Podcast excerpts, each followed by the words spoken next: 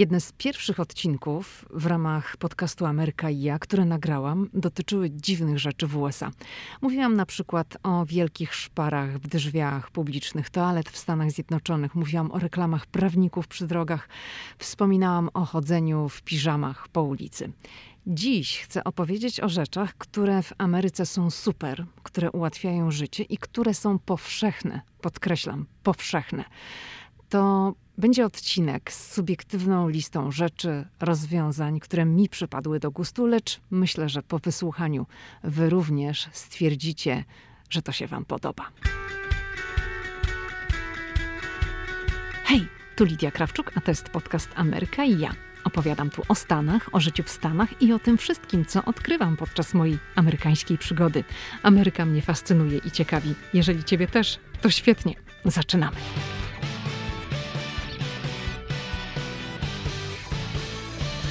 Dzień dobry, hello. Tomasz76 napisał ostatnio, recenzując podcast Ameryka i ja w Apple Podcast. Bardzo merytorycznie i sympatycznie nadrabiam starsze odcinki, a każdy nowy łykam jak reksioboczek. Bardzo dziękuję za taką działającą na wyobraźnię recenzję, bardzo miłą podkreślam. Odpowiem tak, jaram się jak pochodnia. Musicie wiedzieć, że ja czytam wszystkie recenzje i bardzo lubię je czytać i bardzo się cieszę, jak pojawiają się nowe. Także dziękuję wszystkim za dodawanie nowych recenzji. Bardzo, bardzo jeszcze raz dziękuję. Sprawiacie mi naprawdę wielką radość. Dziś postanowiłam opowiedzieć o rzeczach, które nazywam super rzeczami w Stanach Zjednoczonych. I od razu chcę zastrzec żeby ktoś, kto słucha, nie myślał, no co ona tam mówi? Przecież w Polsce to jest też.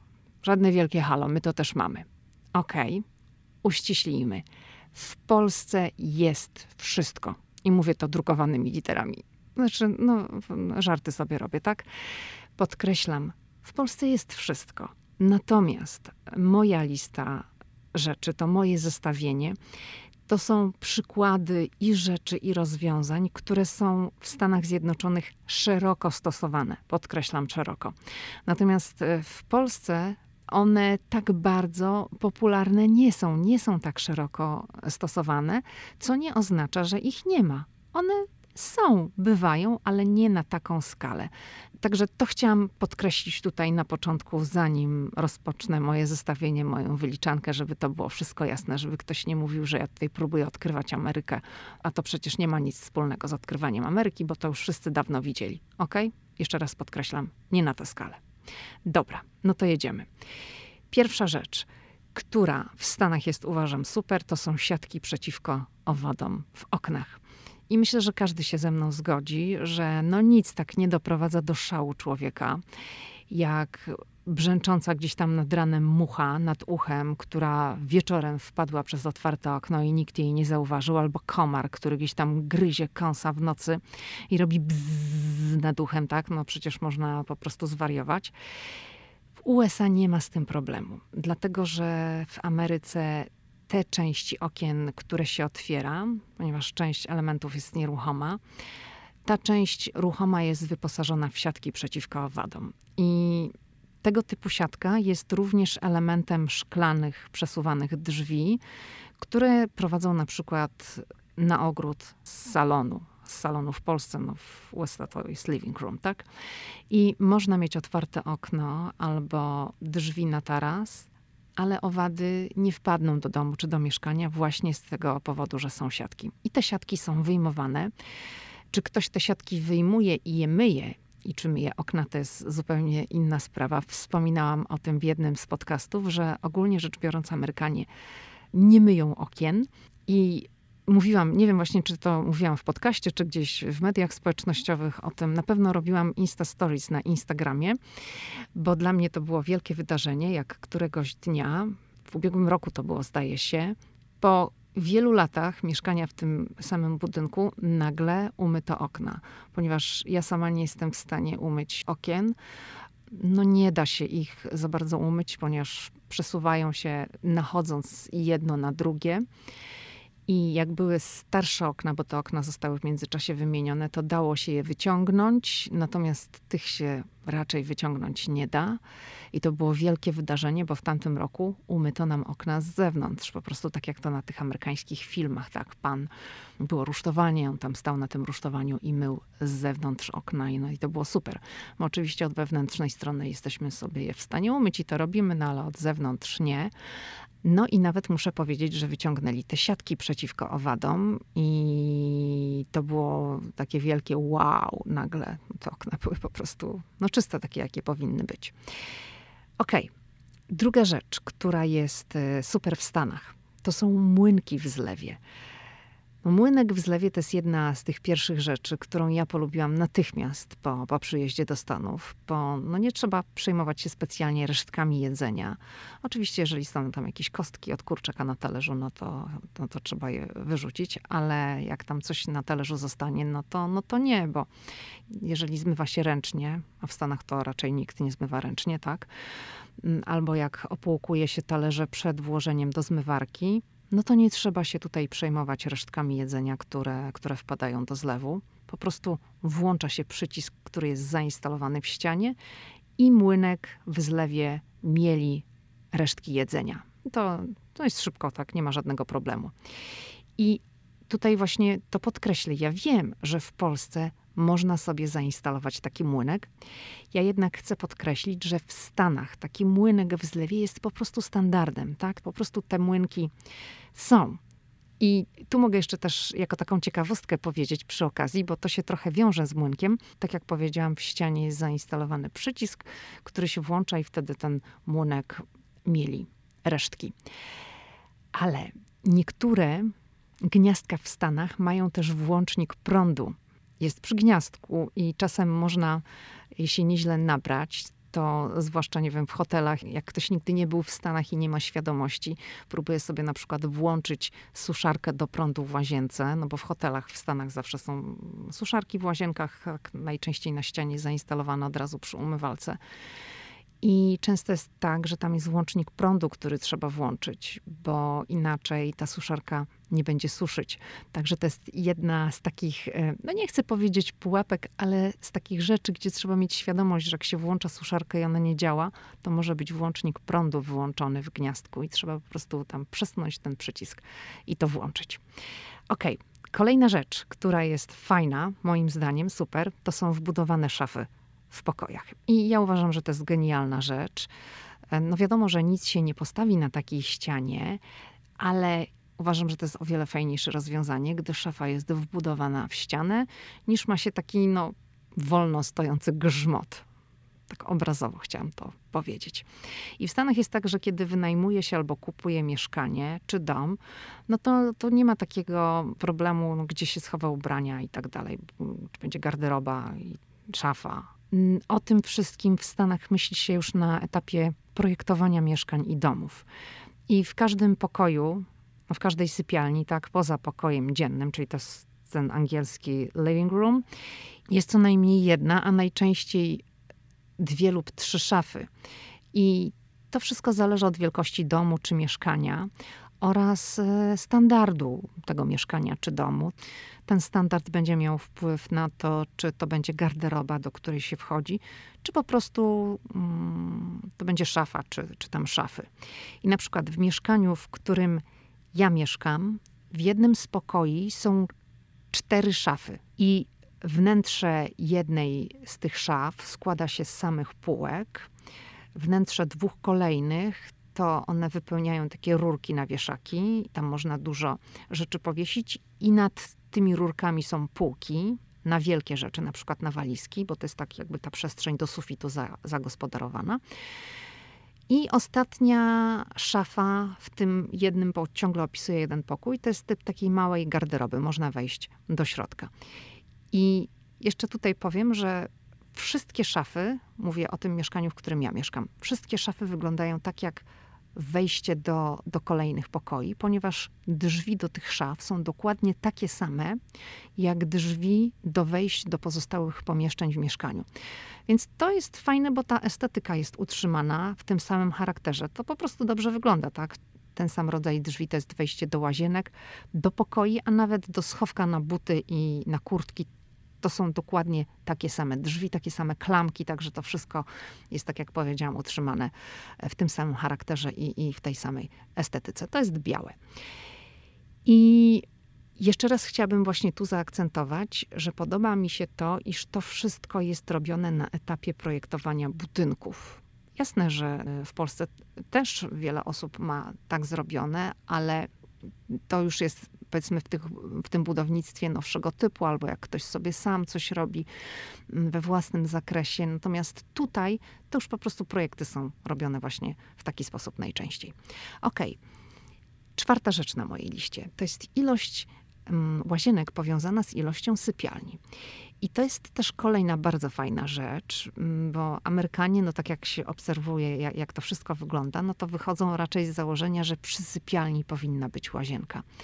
Dlatego to nie jest nic dziwnego, że nawet jak jest trzypokojowe mieszkanie, to w takim trzypokojowym mieszkaniu będą dwie łazienki. To jest bardzo często. I jeszcze tutaj tak na marginesie powiem, że trzypokojowe mieszkanie w Stanach to jest takie mieszkanie, to się mówi two bedroom apartment, tak? Czyli są dwie sypialnie plus living room. Czyli to jest ten pokój dzienny, który w Polsce nazywa się salonem. Czyli to są w sumie trzy pokoje. I jeśli na przykład odwiedza się taki typowy amerykański e, townhouse, czyli to jest taki no, polski szeregowiec, powiedziałabym, to na parterze znajdzie się najczęściej pokój dzienny, tam będzie też kuchnia oraz toaleta z umywalką. Na pierwszym piętrze będzie master bedroom, czyli to jest taka największa sypialnia w całym domu. I właśnie z tej największej sypialni, czyli ten master bedroom, będzie bezpośrednie wejście do łazienki. Na tej samej kondygnacji mogą być na przykład jeszcze dwie mniejsze sypialnie, ale najczęściej już dla tych sypialni przewidziana jest wspólna łazienka. I, I tutaj muszę zaznaczyć, że ilość łazienek w poszczególnych mieszkaniach czy domach różni się od siebie. Tak nie mogę powiedzieć, że do każdej sypialni jest przypisana jedna łazienka. Tak nie jest. Ale nie jest tak dlatego, że wszystko zależy od standardu. Jeżeli to będzie kawalerka, tak, czyli studio, no to, no to nie należy się spodziewać, że w tego typu mieszkaniu, w kawalerce, będzie więcej niż jedna łazienka. Ale ogólnie, jeżeli mieszkanie jest większe, są dwie sypialnie, trzy, no to należy spodziewać się, że w tego typu mieszkaniu w Stanach będzie więcej niż jedna łazienka. No bo w domach to jest normalne, że są czasami cztery łazienki. Tak to tutaj jest. Okay. Punkt piąty na mojej liście subiektywnej, podkreślam z rzeczami, które są super w Stanach, to jest klimatyzacja w mieszkaniach i to jest klimatyzacja, która nie jest żadnym luksusem. I to jest tak, jeżeli przylatuje się do Stanów z Europy, no to nie wszystkim to się podoba, ponieważ ym, można mieć wrażenie, że jest zimno. Przyjeżdża się do Stanów latem na wakacje i wchodzi się gdzieś tam do mocno klimatyzowanych pomieszczeń, do restauracji czy do sklepów i Europejczykom jest często zimno, bo Amerykanie rzeczywiście lubią nastawić sobie klimatyzację na taki dosyć niski poziom. No, no jest zimno. Ja pamiętam w pierwszych latach, jak jeździliśmy latem do sklepów na zakupy, to musiałam sobie brać coś z długim rękawem, co wkładałam na siebie zaraz po przekroczeniu progu sklepu, bo mi było zwyczajnie zimno, mimo że na zewnątrz panował upał, to w sklepie było mi zimno. Teraz już tego nie robię, bo, bo się przyzwyczaiłam i nie odczuwam tego aż tak bardzo, ale to mi doskwierało w pierwszych latach naszego pobytu w Stanach. Natomiast doceniam fakt, że tu w mieszkaniach, w domach klimatyzacja jest czymś powszechnym i normalnym. I no, mi dzisiaj trudno jest wyobrazić sobie upalne i wilgotne lato, jakie jest w Waszyngtonie, podkreślam, bez klimatyzacji w mieszkaniu. I muszę powiedzieć tak, że w różnych dyskusjach w internecie przewija się czasami argument, że amerykańskie budownictwo jest kartonowe. No ono jest lekkie, to fakt, nie ma co, co tego ukrywać. I że właśnie to wynika z faktu, że mm, to jest słaba izolacja, że to jest takie, a nie inne budownictwo, no to musi być wszędzie klimatyzacja, bo inaczej nie dałoby się wyrobić. I pewnie w wielu przypadkach tak jest. Ale nie do końca. Ja to, na, ja to powiem na swoim własnym przykładzie. Ja nie mieszkam w budownictwie kartonowym. Ja mieszkam w naprawdę solidnym budynku On jest z cegły, jest masywny, jest piętnastopiętrowy, który lubię między innymi za to, że w ogóle nie słychać sąsiadów. Jest bardzo dobra izolacja, ściany są grube. Ale zdarzyło się raz w środku lata, że wysiadła nam klimatyzacja. I proszę mi wierzyć, nie dało się bez tej klimatyzacji żyć. Przy tych temperaturach, które utrzymują tu się latem, a lato tak naprawdę zaczyna się w maju. One są w okolicach 30 stopni i więcej. I jak się dołoży do tego tę wysoką wilgotność powietrza o tej porze roku w Waszyngtonie, to po prostu człowiek naprawdę nie wyrabia bez klimatyzacji. I to nie jest żadna fanaberia. No przecież ja całe swoje życie ja przyjechałam do Stanów jako dorosła osoba, żyłam w Polsce bez klimatyzacji, tak nie była mi do niczego potrzebna. Nawet jak latem było gorąco, to, no to w domu było ok. I teraz to już właśnie odczuwam. Myślę, że to jest kwestia organizmu. Organizm się przyzwyczaja do tego wychłodzenia, że jak jesteśmy w Polsce i w Polsce jest lato upalne i jestem w mieszkaniu, w domu bez klimatyzacji, to ja już to odczuwam, mi jest za gorąco. Ktoś tam mówi, nie, no przecież jest okej, okay, jest fajnie, jest chłodno a mi już nie jest chłodno, mi już jest za ciepło, bo przyzwyczaiłam się do tego, że pomieszczenie latem jest schłodzone do, do pewnego poziomu temperatury. Dobrze, punkt szósty. Punkt szósty to są suszarki do ubrań i zmywarki w standardzie. I to jest to, co podkreślałam na początku. Zdaję sobie sprawę z tego, że w Polsce zmywarki są też popularne i suszarki do ubrań też są coraz popularniejsze. Zauważam, że na przykład na Instagramie czasem są takie dyskusje, tak, czy, czy warto mieć suszarkę do ubrań, czy nie. Ludzie się boją, że to może będzie niszczyć ubrania i tak dalej. Ja już sobie nie wyobrażam życia bez suszarki do ubrań. Chciałabym tutaj po prostu podkreślić fakt, że i suszarki do ubrań, i zmywarki do naczyń w USA są po prostu standardem. One są wyposażeniem. To jest w zasadzie w każdej kuchni i w każdej łazience, czy to pomieszczeniu z pralką i suszarką, tak. I tu jeszcze przy okazji to myślę, że to będzie taka ciekawostka, że w Ameryce popularne są pralki ładowane od góry. Są oczywiście też takie z drzwiczkami z przodu, natomiast w mieszkaniach, w apartamentowcach, w domach na wynajem, a tego jest tutaj dużo, bo Amerykanie, bo nie wszyscy Amerykanie decydują się na to, żeby sobie kupić dom czy mieszkanie.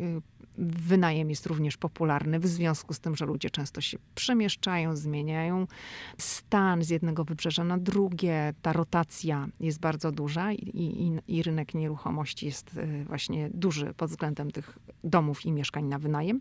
To zawsze właśnie w tego typu nieruchomościach na wynajem najczęściej są to pralki ładowane od góry to, mm, o czym powiedziałam, te, te sześć rzeczy, sześć rozwiązań, to są takie rzeczy, które dotyczą powiedzmy domu, mieszkania, a, a teraz to wymienię kilka, które mogą zwrócić również Waszą uwagę, jeżeli Wy się wybierzecie kiedyś w przyszłości do Stanów. I numer siedem to są fontanny do picia. Niektórzy mówią na takie fontanny źródełka, poidełka, no inni, że to są fontanny poidełka. No nie wiem, ja sobie to nazwałam fontanny do picia. Tak czy siak, ja mam tutaj na myśli taki darmowy dostęp do wody pitnej, który jest często właśnie w okolicach popularnych atrakcji turystycznych. I to jest świetna sprawa, zwłaszcza w miejscach, gdzie no, słońce jest bardzo duże, gdzie grzeje niemiłosiernie i człowiekowi się chce pić i akurat nie ma nic do picia. Te fontanny można znaleźć w USA nie tylko w terenie. Fontanny do picia znajdują się również w budynkach. Na przykład w tym budynku, w którym ja mieszkam, to jest kilkunastopiętrowy budynek. Takie poidełko, taka fontanna jest na poziomie lobby przy skrzynkach. Nawet na tym poziomie lobby są dwa dokładnie takie miejsca, gdzie, gdzie można się napić. I nieraz widziałam ludzi, którzy z tego korzystali. Mój syn czasem się z tego napije, jak nie wiem, wracamy gdzieś tam z placu zabaw, a on już tam ledwo dyszy, bo tam się tak nalatał. Mm, na placach zabaw zresztą też są te poidełka bardzo często. Mówię o tych placach już takich nowocześniejszych, tak? Dzieci też mogą się z, z tego napić i, i, tak jak mówiłam, u mnie w budynku również, ja nigdy nie korzystałam z takiego poidełka e, na terenie mojego budynku, ale, ale widuję ludzi, którzy gdzieś tam po drodze tak. Okej, okay. Kolejna rzecz, ósma na mojej liście, to są darmowe publiczne toalety. I to jest bardzo fajne, bo jeżeli będziecie w Stanach i nagle zachce się wam, no nazwijmy rzecz po imieniu, siusiu, to nie trzeba sobie zawracać głowy tym, czy ma się jakieś drobne w kieszeni, bo w publicznych toaletach w Stanach Zjednoczonych nikt nie będzie oczekiwał żadnych pieniędzy, nie będzie żadnych talerzyków na monety. W Ameryce toalety są bezpłatne. Ale należy spodziewać się, że w niektórych dużych miastach, no nie wiem, na przykład w Nowym Jorku, gdzie natężenie turystyczne jest olbrzymie, to popularne sieci takie jak McDonald's czy Starbucks wprowadzają kody do łazienek. No bo to nie są publiczne toalety, a część turystów, no, która musi skorzystać z toalety, no, próbuje właśnie e, wykorzystywać toalety tych sieci do tego, żeby tam załatwić swoją potrzebę. Także tam się wprowadza kody do łazienek. No bo te łazienki toalety są dla, dla klientów sieci i te sieci nie chcą, by, by turyści traktowali je jak publiczne toalety, ale te, które są publiczne, czy przy atrakcjach turystycznych, w muzach i tak dalej, no to nigdzie nie ma tam, że będzie jakiś talerzyk, czy będzie jakaś pani. Nikt nie będzie oczekiwał żadnych pieniędzy. Dobrze. Kolejna rzecz. Dziewiąta. To są kasjerzy pakujący zakupy. Jeżeli wybierzecie się do marketu spożywczego w Stanach, to nie zdziwcie się, że kasjer sam będzie pakował wasze zakupy. W Stanach Zjednoczonych to jest standard. Kasjerzy skanują towar i od razu wkładają towar do toreb. I ja muszę przyznać, że już przywykłam do tej praktyki tak bardzo, że jak jestem gdzieś tam w Polsce w sklepie spożywczym czy w markecie, to zdarza mi się zagapić, że nie pakuję zakupów. No bo już jakoś tak mam zakodowane, że, że tego się nie robi. I jeszcze Wspominałam o tym mm, w jednym z podcastów, tym, w którym porównywałam, jak jest tutaj, jak jest w Polsce, że, ale przypomnę, bo myślę, że to jest ciekawa rzecz, że charakterystyczne jest to, że kasjerzy w Stanach przy kasach stoją, a nie siedzą. Tak? W Polsce kasjerzy mają krzesełko, a w Stanach stoją. Nie wiem, z czego to wynika. Może, jed, może jednak z tego, że to jest lepsze na kręgosłup. I jeszcze tutaj muszę powiedzieć o jednej rzeczy, że dla turystów z Polski to będzie zapewne szokujące, jak wiele plastikowych, foliowych toreb używa się w Stanach do pakowania. Bo kasjer będzie właśnie pakował te wszystkie rzeczy, zakupy w foliowe torebki i on tam nie będzie upychał tego, że Bóg wie ile do jednej. No tam włoży parę, kolejna, kolejna, tak? I to, czy będą foliowe, plastikowe torebki, również zależy od tego, do której części Ameryki się przybędzie, bo tu muszę podkreślić, niektóre stany próbują eliminować ilość plastiku i folii, ale ogólnie w Stanach to jednak te foliowe torebki są bardzo powszechne i popularne. Natomiast niezależnie od tego, czy to będzie folia, czy papier, na przykład Kalifornia jest takim stanem, gdzie nie używa się jednorazowych foliowych toreb, tylko papierowe, ale niezależnie od tego, czy to będzie Kalifornia, czy inny stan, w którym są torebki foliowe, to też zależy od stanu, czy są płatne, czy niepłatne. Na przykład w stanie Maryland, tutaj koło mnie obok, torebki foliowe są odpłatne, za każdą torebkę dodatkowo się płaci. Natomiast tu, gdzie mówię te słowa w Virginii, torebki są bezpłatne. Także ta polityka dotycząca pakowania różni się w zależności od stanów, ale niezależnie od tego, czy to będzie papier, czy to będzie torebka foliowa, czy ona będzie bezpłatna, czy odpłatna, kasjer będzie to robił. Ok, punkt numer 10 to jest drive-thru. Muszę przyznać, że miałam problem i zajrzałam nawet do słownika, jak to przetłumaczyć, ale myślę, że jak mówię drive-thru, to wiadomo o co chodzi. Słowniki podają takie hasło, że drive-thru to jest sklep lub restauracja dla zmotoryzowanych. No, powiedziałabym, że w USA drive-thru wybiega daleko poza restaurację, poza fast food, w którym można, nie wiem, kupić hamburgera bez wysiadania z samochodu. Tutaj w Stanach można w ten sposób skorzystać choćby z bankomatu. Teraz, w czasie pandemii koronawirusa, można zrobić w ten sposób test na COVID-19 bez wychodzenia z samochodu. Osoba, która przeprowadza taki test, oczywiście w odpowiednio ubrana, podchodzi do osoby, która chce wykonać taki test, i wszystko właśnie odbywa się bez wysiadania z samochodu. Ale to jest nic.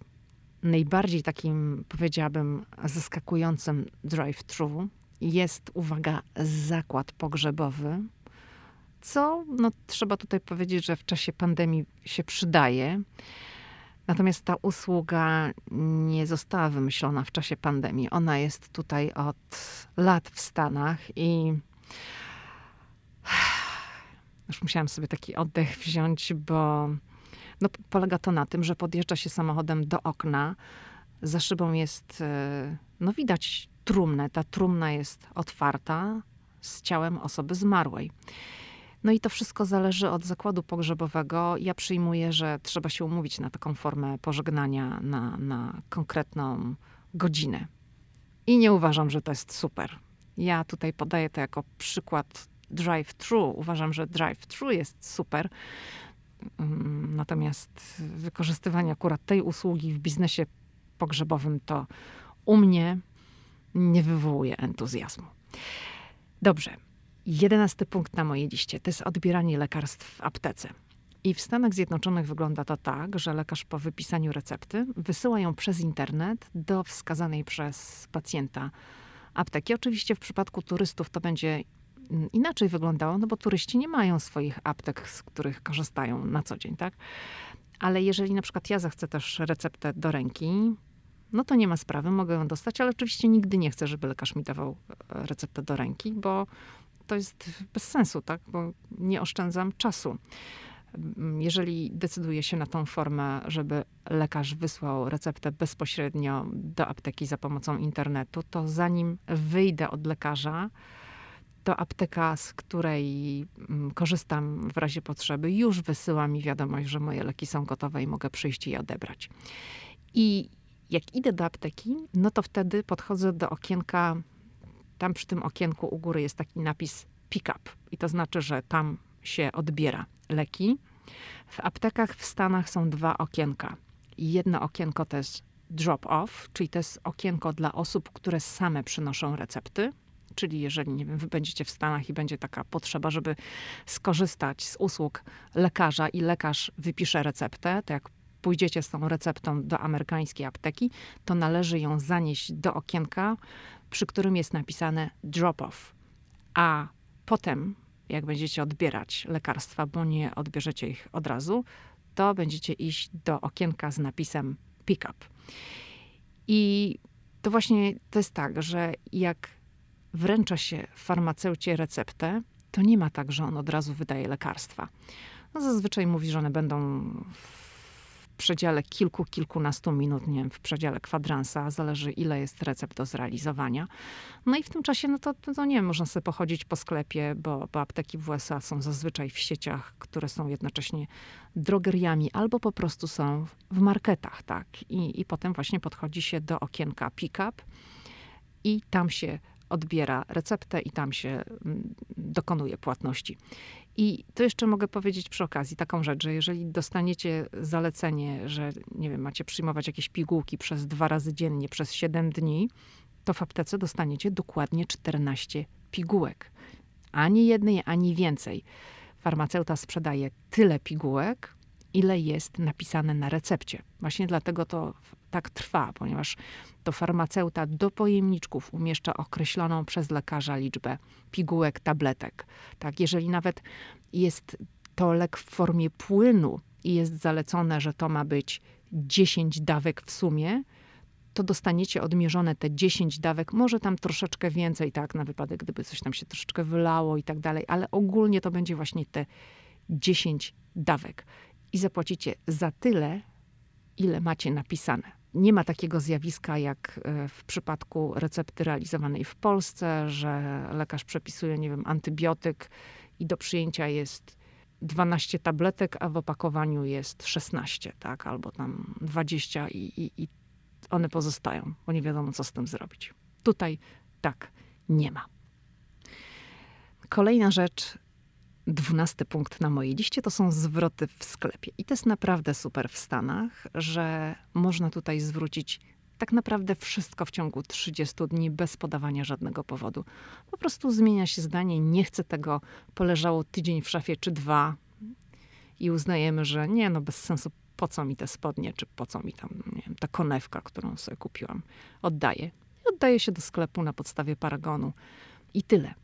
I tu jest jeszcze przy okazji taka rzecz, warto na to zwrócić uwagę, że na przykład um, może się zdarzyć tak, że nie wiem, kupicie sobie coś w sklepie w Stanach, a potem zobaczycie w internecie, że cena dokładnie tego samego produktu na stronie internetowej jest niższa. Jeżeli wrócicie do sklepu i pokażecie to sprzedawcy, to jest wielce prawdopodobne, że on zwróci te różnice, albo po prostu powie, że robi zwrot, a potem skasujecie jeszcze raz, tylko że mniej. Mnie się zdarzyło kiedyś tak, że na stronie internetowej sieci Target, Target to jest sieć supermarketów, marketów w Stanach, zobaczyłam zabawkę dla dzieci. No ale moje dziecko, jak to dziecko, nie chciało czekać na przesyłkę tam 2-3 dni i chciało to od razu, więc pojechaliśmy od razu do sklepu. Ale zabawka na półce w sklepie kosztowała 10 dolarów więcej niż w sklepie internetowym Targetu. Tak? To nie był jakiś inny sprzedawca, to była sieć Target. No i ja pokazałam to w punkcie obsługi, że cena na stronie internetowej jest o wiele niższa niż w sklepie. No i osoba właśnie z obsługi skasowała mnie wówczas 10 dolarów mniej, bo uznała właśnie tą cenę, która obowiązywała na stronie internetowej Targetu. Także ja zrobiłam dobry deal. Gdybym pojechała do sklepu i nie wiedziała, że cena w internecie jest niższa, no to bym zapłaciła taką, jaka jest, y, jaka była w sklepie, ale że wiedziałam, że w internecie jest niższa, no to próbowałam negocjować, no i wynegocjowałam 10 dolarów mniej. I taka mm, kolejna rzecz, która jest fajna w Stanach, to będzie już trzynasty punkt na tej liście, to jest darmowa dolewka bezalkoholowych napojów w wielu sieciówkach rzecz jasna nie namawiam do picia dużych ilości coli, lemoniady i innych tego typu napojów. Mówiliśmy o tym z Pawłem w podcaście numer 51 o tym, w jaki sposób nie łapać w Stanach dodatkowych kilogramów. No właśnie jedna z tych rzeczy to jest to, żeby nie korzystać nadmiernie z możliwości bezpłatnych dolewek. Ale w Stanach to jest tak, jeżeli będziesz mieć ochotę na dolewkę, to w wielu lokalach w USA nie płaci się za kolejną szklankę. Jeśli zamówisz jeden napój, ale masz ochotę na kolejny, to można poprosić o dolewkę, po angielsku to jest refill i większość właśnie popularnych sieciówek szczyci się tym, że ma free refill, tak? czyli za darmo można sobie tam dolać. No i należy też pamiętać, że woda ale to jest woda kranówka. W amerykańskich barach i restauracjach też jest darmowa. To jest woda zdatna do picia. Także to jest tak, że zanim jeszcze jak się usiądzie w amerykańskiej restauracji i zdąży się złożyć zamówienie, to kelner wtedy przynosi wodę z lodem. No i jeżeli ci to wystarcza, to okej, okay, nie musisz sobie zamawiać nic innego do picia, tak? Jeżeli nie, no to, to sobie zamówisz coś innego. Aha, i jeszcze muszę tutaj zaznaczyć, że jeżeli będziecie kupować piwo albo jakiś napój alkoholowy, koktajl, to nie ma tak, że można wtedy wlewać w siebie kolejne koktajle alkoholowe i kolejne piwa na koszt lokalu. Za alkohol i kolejne drinki trzeba płacić. Także tutaj nie ma bezpłatnych dolewek. Nie ma tak dobrze. Nawet w Ameryce. Ok, to jeszcze punkt czternasty, ostatni. I myślę, że należy to podkreślić, że to, co jest fajne w USA i to, co ja bardzo lubię, to jest to, że po prostu ludzie tu są mili. Tak po prostu. Jasne, że czasem zdarzy się ktoś mniej sympatyczny, ale ogólnie ludzie są uśmiechnięci, ludzie są pomocni, są pozytywnie nastawieni do, do drugiego człowieka. I zauważa to każdy, kto przyjeżdża do Stanów Zjednoczonych po raz pierwszy. I to jest naprawdę bardzo, bardzo fajne.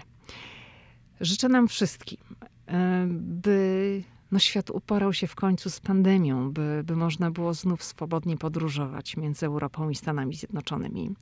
Kiedy to nastąpi? Mamy końcówkę lipca 2020 roku. Nie wiem. Nie ma w tej kwestii oficjalnych komunikatów, ale ja osobiście uważam, że do końca tego roku 2020 nic się nie zmieni. Chciałabym się mylić, bo wiem, że są słuchacze, którzy mieli zaplanowane podróże do Stanów Zjednoczonych na ten rok. Niektórzy z Was już by byli właśnie teraz w Stanach, bo były i bilety porezerwowane, i kupione, i były dokonane rezerwacje, gdzieś tam noclegów, całe trasy były zrobione, wszystko, wszystko diabli wzięli, o tak powiem.